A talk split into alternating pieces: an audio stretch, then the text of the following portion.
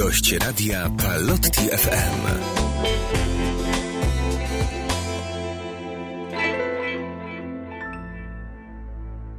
Dzień dobry, Radio Palotti FM. Ja nazywam się Lola Konieczny. Moim i waszym gościem będzie Zuza Polańska, scenograf, plastyk. Oprócz scenografii zajmujesz się sztukami plastycznymi. Jakie są twoje ulubione nurty, artyści? Czy masz osoby, które jakieś szczególnie do ciebie przemawiają?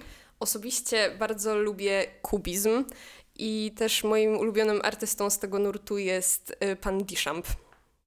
Co cenisz w jego sztuce? Czy masz jakieś ulubione dzieła? Co cię w nich tak przejęło?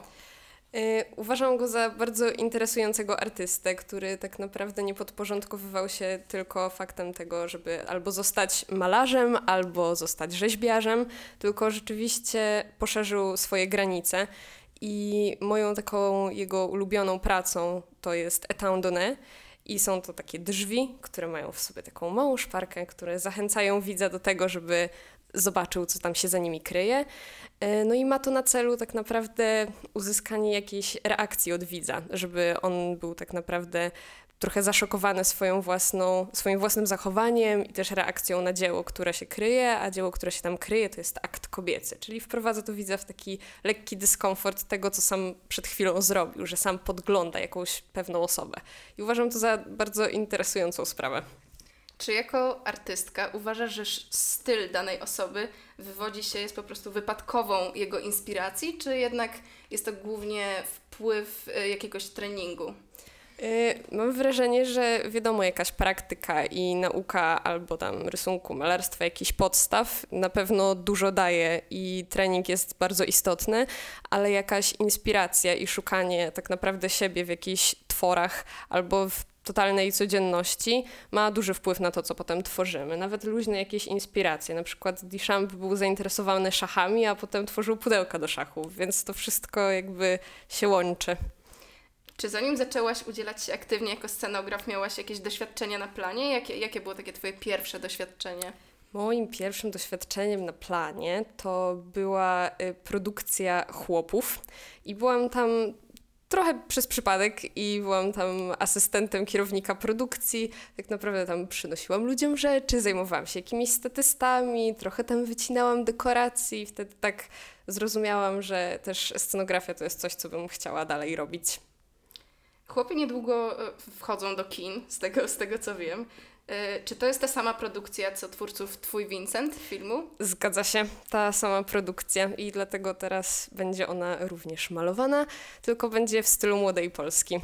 Właśnie tutaj, e, żeby przybliżyć słuchaczom, e, film e, o Van Goghu, Twój Vincent, to, był pierwszy, to była pierwsza pełnometrażowa animacja malarska, która polegała na tym, że najpierw nagrywano film, a następnie na podstawie tych klatek w stylu Van Gogha, a teraz w stylu Młodej Polski, zostały namalowane obrazy, które później zostały zanimowane do końcowego, końcowej wersji filmu. Mm, czy mogłabyś przybliżyć słuchaczom, na czym polega praca scenografa? Często zadaję sobie to pytanie, ale ogólnie mam wrażenie, że to jest po prostu kreowanie przestrzeni albo w teatrze, albo w filmie, albo na jakichś pokazach mody nawet. Jakaś aranżacja przestrzeni, która wprowadza widza w jakiś dany klimat albo oddaje jakąś rzeczywistość, w której się znajdujemy. Czy masz może jakieś anegdotki z planu? Najciekawszy obiekt, który musiałaś przynieść, dostarczyć? Jakieś bardzo nietypowe zlecenie? Yy, ogólnie w scenografii, w szczególności filmowej, jakoś na początku, jeżeli robię sobie etiudy i takie różne rzeczy bardziej niszowych produkcji, to zazwyczaj dostaje się jakieś informacje na przykład od reżysera na ostatnią chwilę. I taką najśmieszniejszą akcją miałam, jak y, reżyser dzień przed planem o 20 powiedział mi, że potrzebujemy martwą kurę. I tak się lekko zastanawiałam, jak to stworzyć w ogóle, ale jakoś mi się udało. Kupiłam takiego niestety pana martwego kurczaka. Ogarnęłam jakąś sztuczną krew, jakieś piórka. I metodą prób i błędów udało się stworzyć coś, co imituje rzeczywistego, biednego zwierzaczka. Na co dzień na planach to są raczej obiekty takiego codziennego użytku, czy też bardziej nietypowe?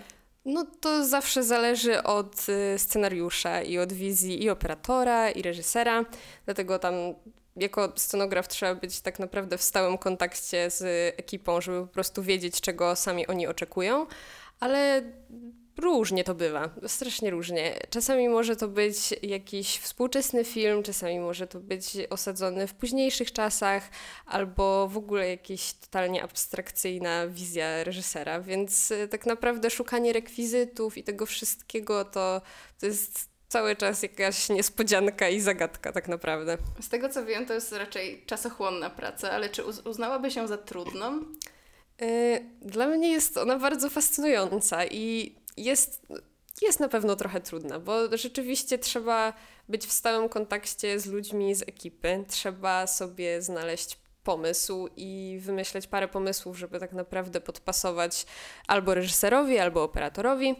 I szukanie tych rzeczy zabiera bardzo dużo czasu, bo czasami można to znaleźć albo w rekwizytorni, albo w zwykłym sklepie, albo w antykwariacie. Gdzieś y, trzeba, trzeba szukać tych rzeczy, trzeba też mieć dobry kontakt z różnymi ludźmi po prostu, żeby też y, zaufali mi na przykład i dali jakieś swoje rzeczy albo pożyczyli do jakiejś produkcji, więc jest to naprawdę ciekawa praca i dość czasochłonna, ale mam wrażenie, że jeżeli ktoś to lubi, lubi jakieś takie niespodzianki każdego dnia, to, to ona się sprawdza.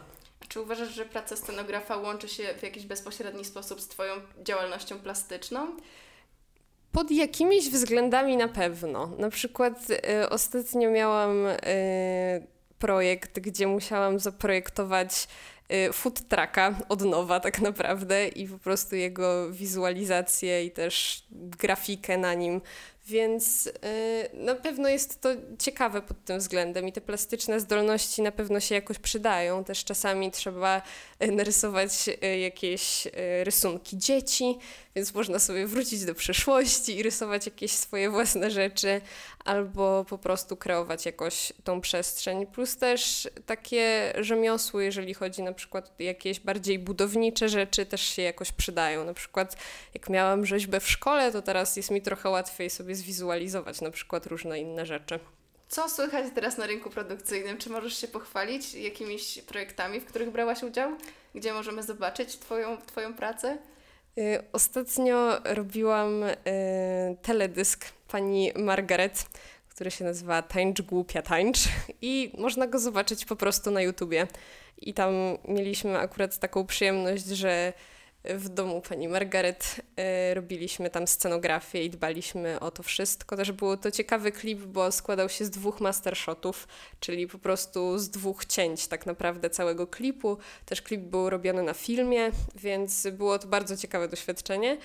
I też ciężkie do zrobienia, w szczególności, że kamera cały czas była w ruchu, więc trzeba było dużo scenografii ogarnąć w jednym take'u, ale udawało się, udawało się, więc y, się cieszę jak to wygląda, no i można to zobaczyć na YouTubie. W ogóle ta praca wydaje się być bardzo ciekawa ze względu na to, że możesz też poznać po prostu produkcję od podszewki i przede wszystkim osoby, które są przedstawiane od podszewki. Czy masz jakąś ciekawą anegdotkę z tym związaną, czy nie wolno Ci takich rzeczy sprzedawać?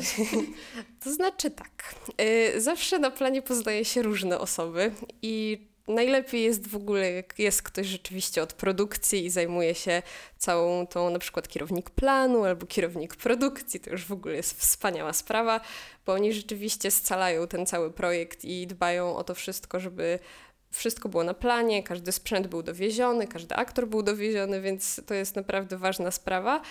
Y, no, poznałam różnych ludzi, z niektórymi pracowało się y, bardzo gładko i przyjemnie, z niektórymi trochę gorzej, ale to tak naprawdę opiera się to na jakiejś komunikacji. Najlepiej jest, jak dwie osoby chcą po prostu o tym i rozmawiać, i, i być w kontakcie między sobą, żeby stworzyć coś fajnego. Y, czy uważasz, że każdy może zostać scenografem, czy jednak wymaga to jakichś specjalnych cech?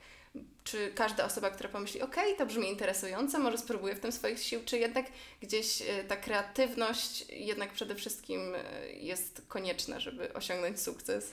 Mam wrażenie, że kreatywność definitywnie pomaga. I jest to też istotne. Wiadomo, są produkcje, które nie opierają się aż tak bardzo na jakiejś y, kreatywności w szczególności. Na przykład mogą to być produkcje, nie wiem, paradokumentów, które tak naprawdę y, uwydatniają po prostu jakieś rzeczy samymi rekwizytami. Ale są też produkcje, gdzie rzeczywiście ta kreatywność jest potrzebna. Jeżeli chce się pracować z jakimiś super reżyserami albo operatorami i po prostu oni mają własną wizję na to wszystko, a scenograf też ma jakąś własną wizję, to to definitywnie punktuje i jest duża szansa po prostu, że ta współpraca będzie trwała dłużej niż tylko przez jeden projekt, ale mam wrażenie, że najważniejszy jest jakiś poziom charyzmy i jakaś, jakiś taki poziom stanowczości też czasami, bo scenografia czasami jest lekko pomijana, jeżeli chodzi o produkcję, więc trzeba sobie lekko wywalczyć swoje miejsce. Ale jak się zdobędzie szacunek i jest się w miarę charyzmatycznym, ale też przyjaznym, to nie widzę przeciwwskazań. Właśnie chciałam Cię zapytać o jakieś rady tutaj dla osób, które chciały spróbować swoich sił na planie, ale wydaje mi się, że już ich udzieliłaś.